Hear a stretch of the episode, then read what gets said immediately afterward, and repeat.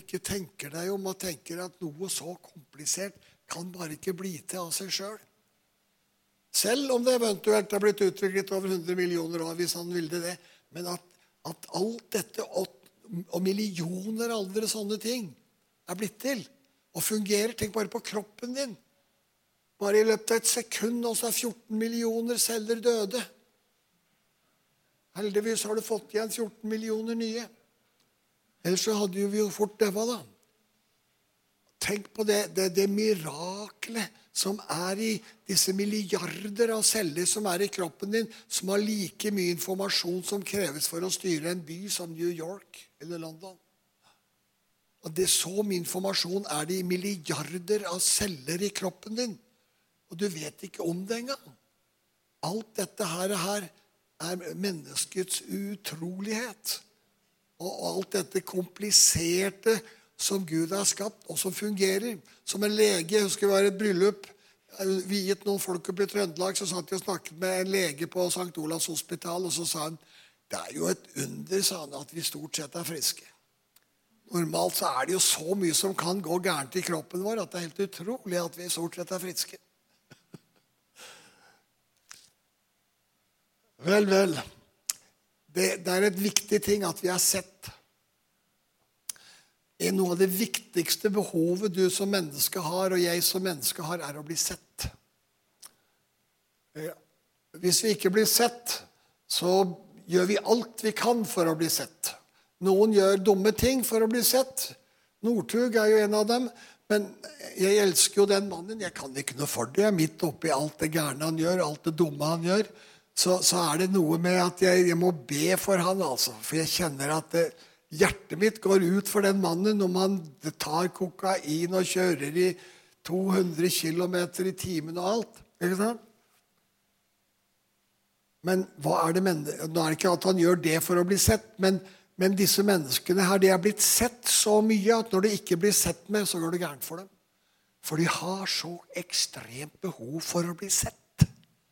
Å få være i fokus, og at folk skriver om dem, gjør noe med dem. ikke sant? Noen politikere er jo sånn ikke sant? at de, de, må jo bli sett, og da finner de på noe for å bli sett. Carl I. Hagen har jo vært en sånn politiker ikke sant? som finner på et eller annet, for da kommer han i media, så blir han sett. Alt dette er farløshetens symptomer. Vi må bli sett. Vi elsker å bli sett, og vi lengter etter å bli sett. Og det er det vi aller mest trenger. Jeg fant et veldig interessant ord i på hebraisk. Og det er dette ordet som, heter, som kan oversettes med 'blikk' eller 'å bli sett'. Og det samme ordet brukes på hebraisk i Bibelen om kilde. Når du blir sett av far, så blir det en kilde i deg som lyser opp, som varmer, og som du drikker av. Altså Det er en sammenheng mellom å få erfare at noe vokser fram inni deg som en kilde, og det at du blir sett. Og Det dypeste behovet vi mennesker har, er å bli sett av Gud. Bli sett. Og i det øyeblikket du virkelig er sett av en far som elsker deg, og sjølsagt Jesus som elsker deg Når du blir sett, så tilfredsstiller det det djupeste behovet i deg. Og når du virkelig kjenner at, kjærl, at denne kjærligheten av denne personen for deg, nemlig når Gud ser deg, så er det ikke bare at han ser deg, men det er kjærlighetens blikk. Det er kjærlighetens varme, det er kjærlighetens stråler som berører det innerste i deg. Og du kjenner 'jeg er tilfreds'. Jeg har det bra. Jeg er sett. Og det er det som er hjemkomsten. Det er det som er hjemkomsten. Det er det som den fortapte sønn Når han ble sett Han kom hjem og ble sett av sin far, og så var det fest, og så var alt bra.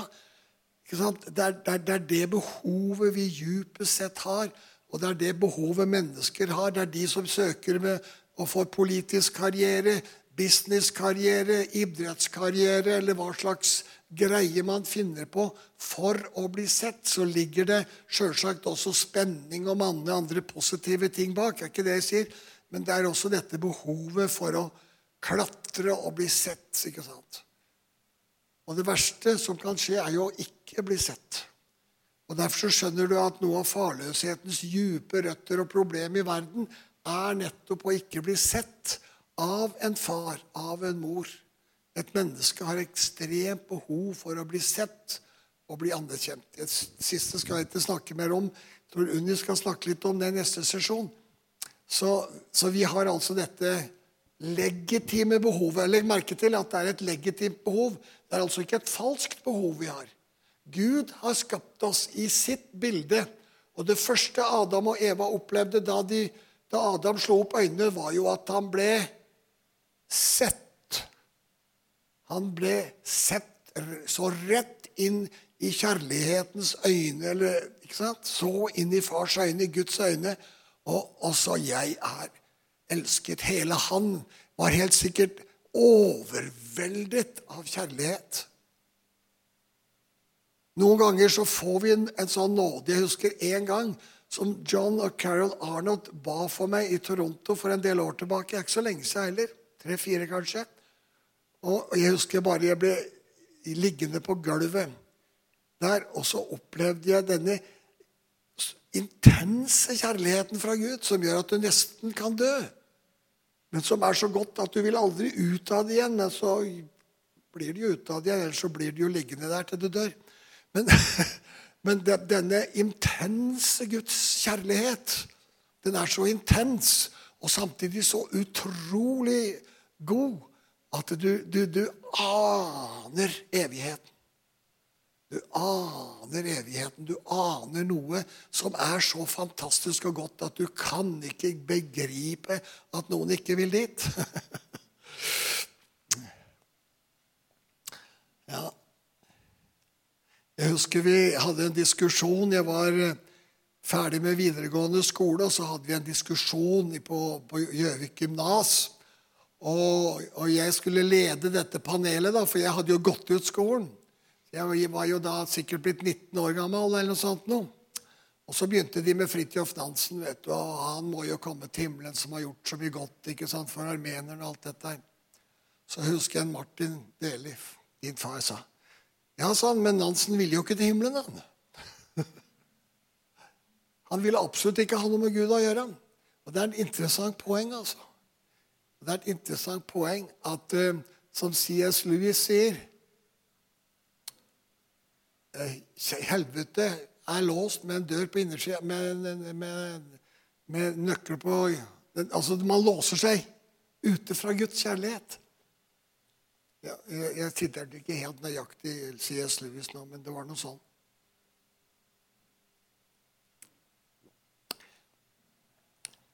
Gud er kjærlighet. Gud er lys. Gud er ånd. Det er tre sånne Gud er-setninger som du finner hos Johannes i brevene hans eller i, i, i evangeliet hans. Altså Gud er. Han er Så er selvsagt Gud også rettferdig. Han er allværs Gud. Han er liv, han er hellig, han er en fortærende ild. Det er veldig mange beskrivelser av Gud i Bibelen i sin helhet.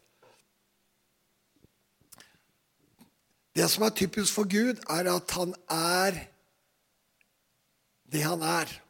Og han kan ikke forbli noe annet enn det han er. Han må være konsistent med hvem han er. En av de tingene som jeg ikke skal snakke om nå, men som har vært viktig for meg dette siste halvåret, er en åpenbaring av at Gud er ydmyk. Ekstremt ydmyk. David er fantastisk på det. Du tok meg, sier han, og løftet meg opp Gud er ydmyk. Jesus er så ydmyk at han var villig til å bli så liten som noen kunne bli i en, en, en lita jentes Ikke lita, da, men en tenåringsjentes livmor. Tenk på det. Så Gud er ydmyk, og David sier, 'Din ydmykhet, Gud, har gjort meg stor'. Det er noe ved Guds karakter her som er helt fantastisk og hvordan han i sin ydmykhet kommer. Og Derfor så handler han i kraft av sin ydmykhet. Og han kan ikke handle annerledes enn i sin ydmykhet. Og Derfor er det også at hans rettferdighet, hans hellighet, måtte også tilfredsstilles nettopp ved at Jesus sonet all verdens synd. Det som eh, jeg opplever at vi har snakket litt om nå, og som Gunnar har snakket veldig flott om på formiddagen i dag, det er noe av dette, dette som Gud gjør i tida. Dette at Gud fører oss inn i en overgang. Vi lever i en overgangstid. En overgangstid hvor Gud åpenbarer ting som alltid har stått i Skriften. Det er ikke det at vi snakker om noe som ikke står her, men vi snakker om noe som vi ikke har sett. F.eks. når Gunnar snakket om at vi hadde ikke sett at jeg vil ikke etterlate dere farløse, som Jesus sier i Johannes 14, 18, men jeg vil komme til dere. Vi hadde ikke sett at det var et viktig vers, og at der Jesus beskriver farløsheten, og hvor nødvendig det er for en farløs generasjon å få en far. For det er jo bare en far som kan tilfredsstille farløshet. En sønn kan jo ikke gjøre det. Derfor er det at Jesus kom for å åpenbare far, for at de farløse kan få en far. Og at vi kan få være sønner i Kristus og ha en far. Du hører at vi overlapper hverandre og gjentar tingene, men det er utrolig viktig at vi får tak i disse veldig fundamentale tingene. Og når vi da oppdager at Gud er far, og begynner å erfare Gud som far, så er det noe som skjer når vi da er sønner. For da skjønner vi plutselig at jeg kan jo ikke både være tjener og sønn i identitet. For enten er jeg tjener, eller så er jeg sønn. Og hvis jeg er tjener, for å sitere Jack Winter, da har jeg ikke en far som herre, men jeg har en master. Altså en, en eh, konge, eller hva du vil kalle det. ikke sant?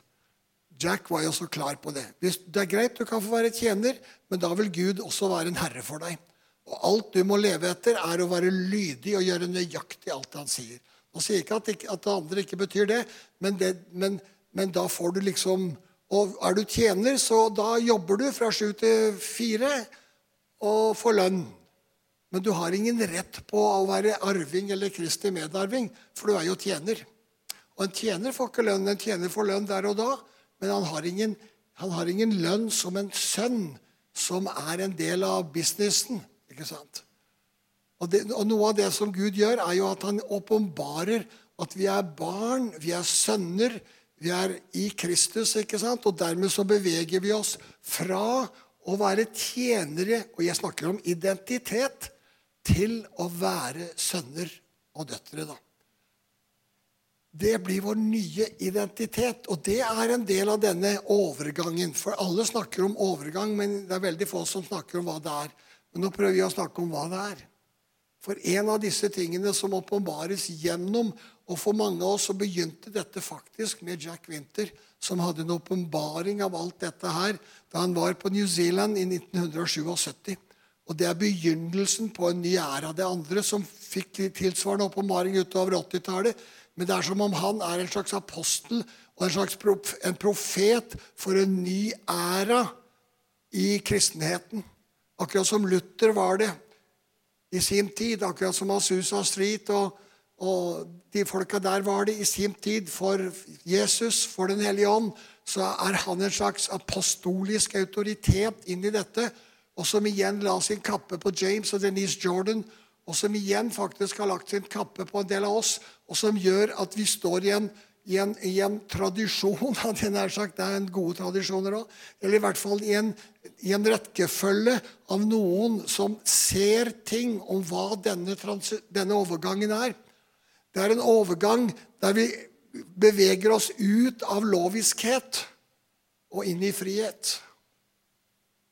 Det er altså en overgang der vi forstår at vi har spist av kunnskapens tre og livets tre i god blanding og fått loviskhet og litt av hvert inn i Guds menighet, hvor vi begynner å se at eh, kunnskapens tre er et dårlig tre å spise av, også kunnskapens tre til godt. Fordi det gir ikke liv. Det er bare livets tre som gir liv. Og livets tre er jo Kristus selv. Og Derfor må vi bevege oss ut av denne kunnskapen om godt og vondt og inn i frihet til å leve. Og det er klart, det er skummelt.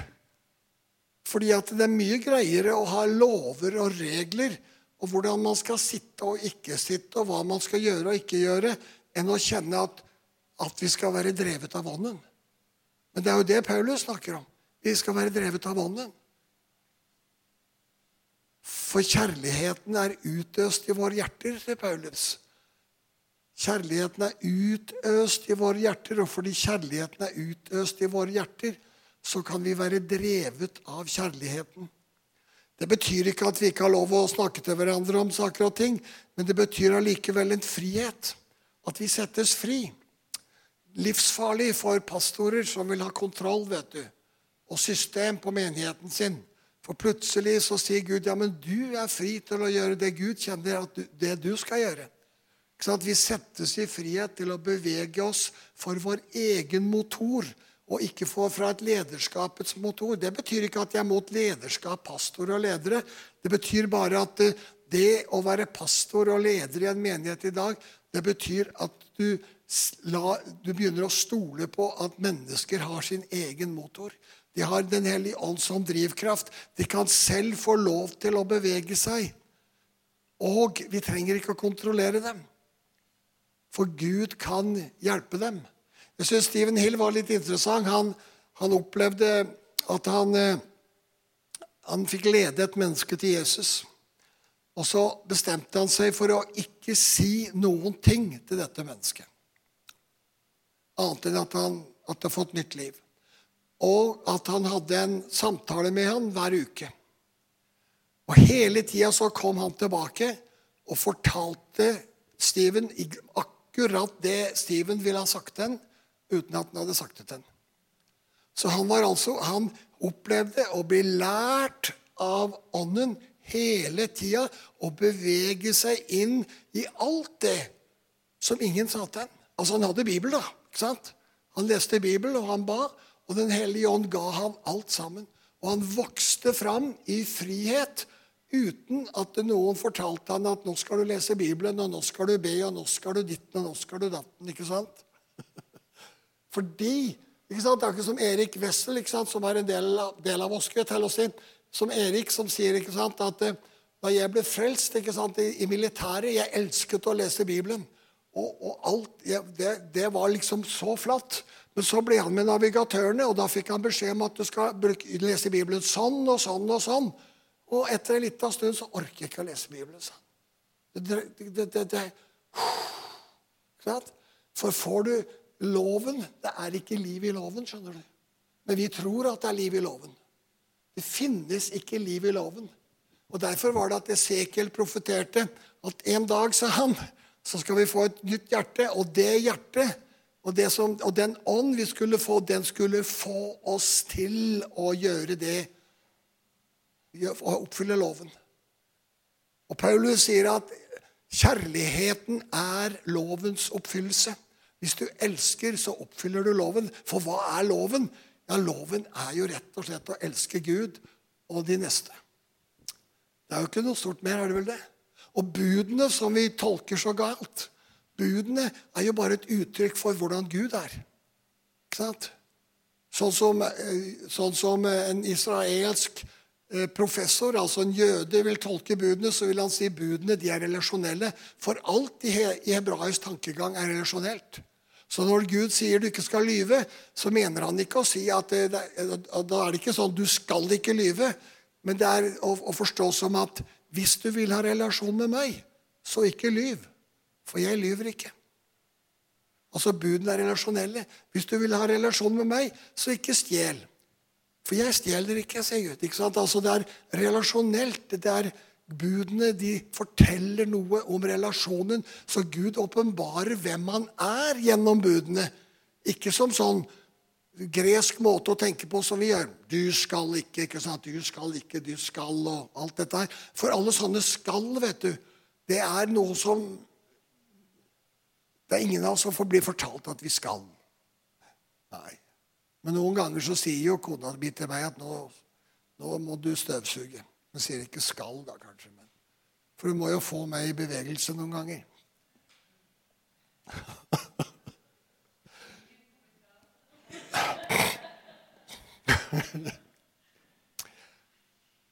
Det som kanskje er det mest kontroversielle i denne, trans, denne transition, denne overgangen som jeg snakker om, det er at i Det gamle testamentet, i den gamle pakt, så er pakten slik Hvis dere gjør sånn, så skal jeg gjøre sånn. Altså Det er en pakt om lydighet. Hvis du ikke lyder og ikke gjør, så får det konsekvenser. ikke sant? Og det vet vi at det fikk. ikke sant? Det er, det er den gamle pakt. Den nye pakt er litt annerledes. For der får lydigheten et helt annet eh, aspekt ved seg. For nettopp som jeg siterte, både Jeremia og Esekiel profeterer jo at vi skal få en ånd som får oss til å gjøre det vi ikke kan. Altså som får oss til å bevege oss etter Guds vilje. Altså Det blir en indre drivkraft og I Det nye testamentet så, så vil lydigheten være sånn som Paulus sier det i f.eks. i 2. Korinterbrev 14 Nei, 5.14.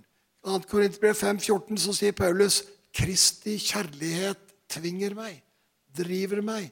Altså, lydigheten får aspektet 'jeg gjør det fordi kjærligheten driver meg'. Altså det er en indre drivkraft som fører til lydighet. Altså et helt annen form for Og derfor så, så, er det altså, og som jeg tror jeg sa allerede i går I den nye pakt så er det, er det Jesus levde i avhengighet og i det han mottok kjærlighet. Og i, fordi han levde i avhengighet, så sa han alt far sa, og han gjorde alt det far sa. Det høres jo ut som lydighet. Gjør det ikke det? Men, han, men, men, men det, det, er drevet av kjærlighet. Ikke sant? For det er det han sa, som jeg aldri kom og fikk sitert i går. I, i, i 1726 så jeg har åpenbart deg for dem, sier Jesus, for at den kjærlighet du har til meg, skal være i dem. Og hva er det, Paul, hva er det Jesus avslører? Jo, han avslører at han levde i en konstant strøm av fars kjærlighet. Og fordi han levde i denne strømmen av kjærlighet, så var lydighet enkelt. Det vil si helt til han skulle til korset. Da var det ikke enkelt mer. Da hadde han en enorm kamp med å bevege seg i kjærligheten og opp på korset. Og På mange måter så gikk Jesus til korset i kjærlighet til sin far. Det er derfor det også står at så høyt har Gud elsket verden. Så høyt har Far elsket verden at han ga sin sønn. Far har elsket verden, så han ga Jesus opp og løftet Jesus opp på et kors for oss. Fars kjærlighet drev Kristus opp på korset. Jeg sier ikke at Jesus ikke elsket oss, men, men for meg så, når jeg leser Bibelen, så virker det som om Jesus var mer opptatt av å gjøre sin fars vilje. Fordi, han, fordi far hadde sånn grenseløs kjærlighet til ham at det, det, løftet han og drev han til, til korset. For vår skyld. Altså fars kjærlighet til oss drev Jesus på, på korset. Og Jesus kunne ikke annet fordi han skjønte at dette er fars vilje. Og jeg elsker min far, og når jeg elsker min far, så gjør jeg sånn som min far vil. Det er sikkert litt begge veier her, men jeg velger allikevel å se det litt sånn. Så vi, altså, vi beveger oss fra lydighet mot kjærlighet. Uten at det ikke fører og, og, noen vil da si ja, så det er mot lydighet. Nei, på ingen måte, men lydigheten får en annen vinkel. Ikke sant? Og Gud er i stand til å få deg til å ville det du ikke vil.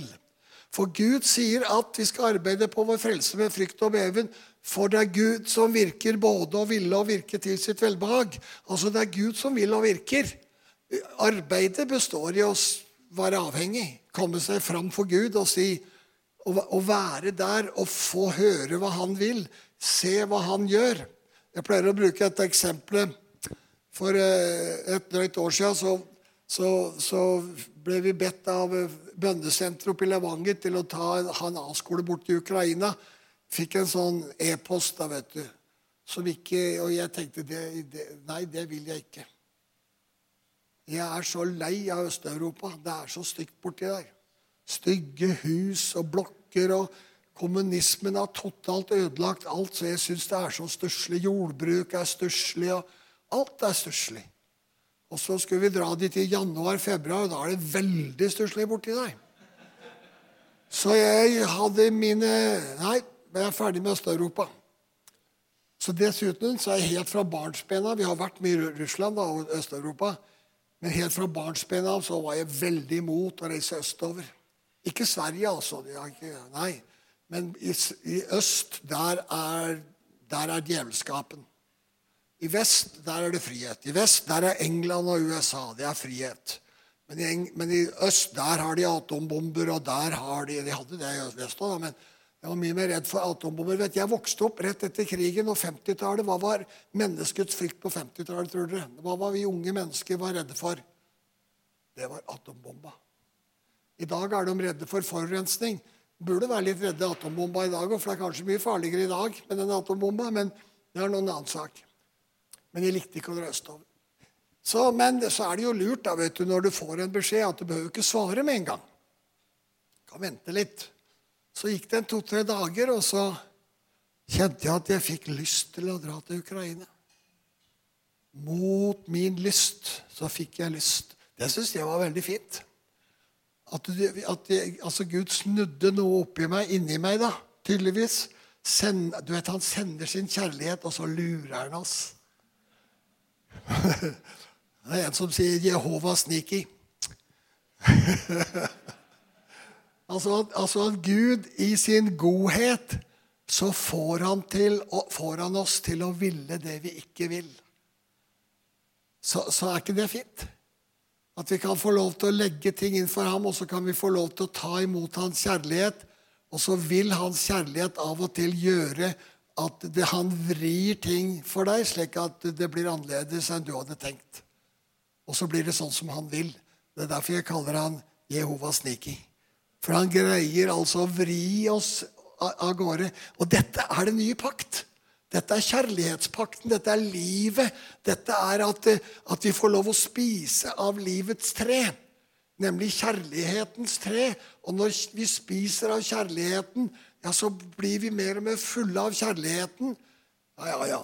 I hvert fall håper jeg. Og så, og så, og så får Gud oss til å bevege oss i sin retning. Det er, det, er, det er, sånn Gud vil at menigheten skal fungere.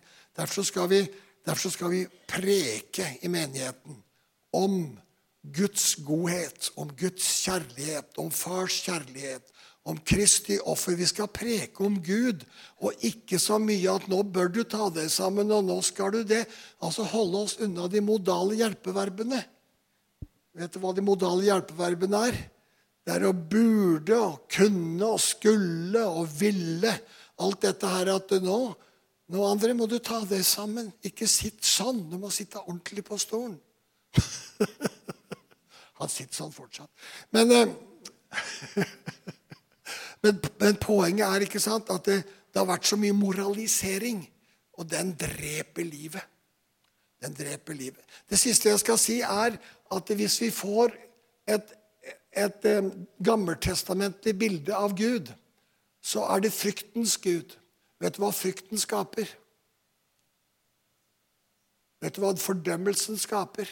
For det er vi flinke til, vet du, både å fordømme oss sjøl først og fremst, av og til flinke til å fordømme hverandre. Men frykten og fordømmelsen, den skaper passivitet. Frykten gjør at du ikke vil noe som helst. Har du opplevd virkelig frykt? Jeg har opplevd angst. Det er som om at eh, beina visner bort under deg. Du blir sliten i knea, som en Viggo Sandvik ville sagt. Det står i Bibelen forresten òg. At, at, knærne de liksom du, du orker ingenting, altså. Der må dere vite at når frykten setter inn, da blir vi lammet. Men så er det ikke, de fleste har jo ikke den type frykt. Men har du frykt for Gud, at Gud ikke er god, så er, så er du heller ikke i stand til å tørre å høre fra Gud. Ikke sant? En av de tingene jeg var redd for som ung kristen, det var jo at Gud skulle si, si at du skulle være misjonær i Kina. Så hvis det kom for mye sånne greier, så da prøvde jeg ikke høre. Hvis liksom du var på møter hvor det ble mye sånn, så prøvde jeg liksom å tenke, ja, liksom avlede meg sjøl. Har du gjort det, noen? Prøvd å komme deg unna? Men du vet, hvis du vil skal være misjonær i Kina, som du helt sikkert ikke skal, så, så, så vil Gud gi deg lyst til det. For det er så tøft. Jeg vil aldri finne på å sende deg dit hvis ikke du får et ubendig lyst. 'Jeg må dit. Jeg vil dit. Oi, som jeg vil dit.' Oi, oi, oi, det blir omtrent som en brann i hjertet mitt at jeg bare må dit. Da er det på tide å begynne å tenke at jo, jeg skal vel kanskje dit. Så, så, så Gud han vil, i den nye pakt så vil han drive oss med kjærlighet. Han, jeg tror at dette ordet i 2. Korinterbrev 5,14 er veldig viktig. Kristi kjærlighet driver meg. Jeg er sikker på at Paulus var hatet og skulle til Korint, for det var et grusomt sted for det hva han sto for. Og så kjente han bare at 'jeg må dit'.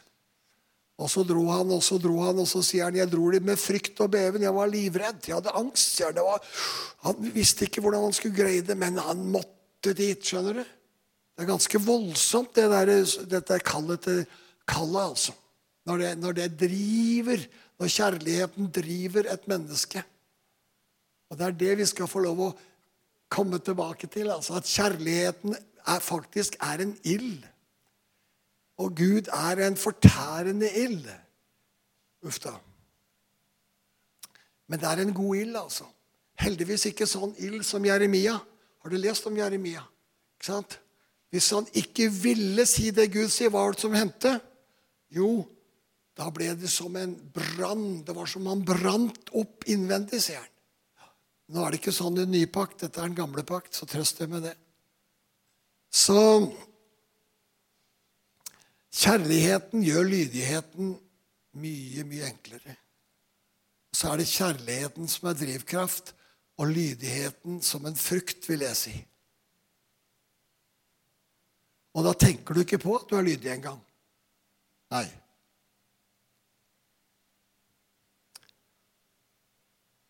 Kjærligheten, den skaper Det er en skaperkraft. Og den skaper dynamikk. Den skaper liv. Og Det er det vi lengter etter, at Guds kjærlighet, fars kjærlighet, treenige Guds kjærlighet, øses over oss i et slikt mål at vi drives, hver og en, alt etter den kall og utvelgelse som vi har. At vi drives til å bevege oss inn i det Gud har for oss. Og Det er, ganske, det er spennende. Det er veldig spennende når du er drevet av kjærlighetens opphav. Og at Jesus sier at det for at den kjærlighet som du har til meg, sier Jesus, skal være i dem, og jeg i dem. Det må alltid huske på Johannes 17, 26. Mediter over Johannes 17, 26. For der står det, der står det om Jesu kall. At, han kalt, at han, hans kall var å åpenbare Far. Og hans kall var at vi skulle erfare den samme kjærligheten som han erfarte fra sin far. Dette snakket Gunnar om før pausa òg, fra en annen vinkel. Ikke sant? Og dette kommer vi til å snakke om, og dette skal jeg snakke om til jeg dør. Fordi det er dette som gir liv. At vi får ta imot kjærlighet. Drikke kjærlighet. Bli sett av Gud, vår far. Og når vi er sett, da slapper vi av. For det er en hjemkomst å være sett. Det er en hjemkomst å vite at jeg er elsket, og erfare kjærligheten som en substans inni oss som virker det den nevner. Kjærligheten er svaret. Kjærligheten er Det nye testamentet, og kjærligheten den er en kraft som får oss i stand til å bevege oss mot et fantastisk mål.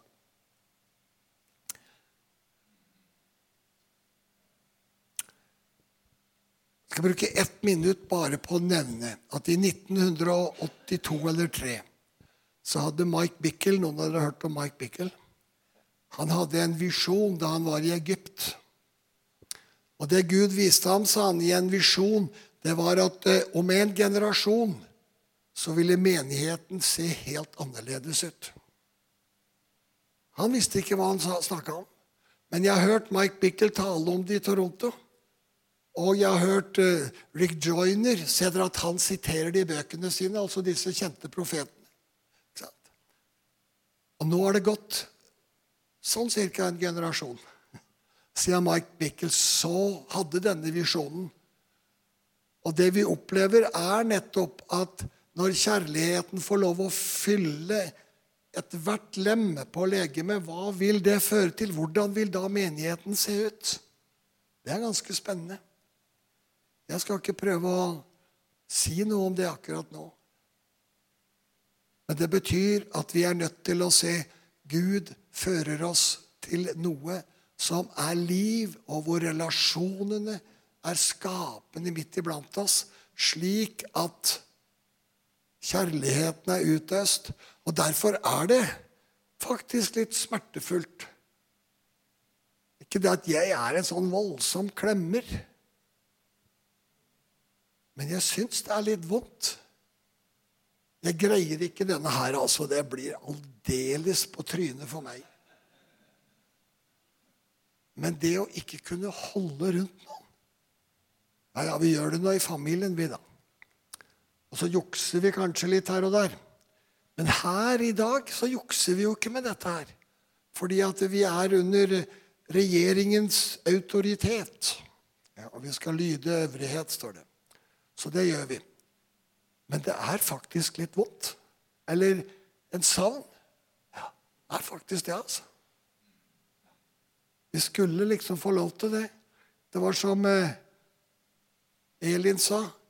Jeg er ikke noe sånn voldsom klemmer, sa hun. er ikke her nå, men hun er kanskje et sted. Ja, ja, ligger på sofaen. Da hører hun allikevel. Så sa han at Men jammen savner jeg det. Det er noe med å kjenne nærhet. Og, og Derfor så sier Bibelen at vi skal gi hverandre et hellig kyss, og vi får ikke lov til det engang. Nei, Det betyr ikke nødvendigvis et kyss på munnen. da, vet du. Det kan bety på kist. Sånn, men, men, hva er det handler om? Det handler om nærhet. Akkurat som far var nær. Ja, hun ser på klokka. Jeg er ferdig. Halleluja.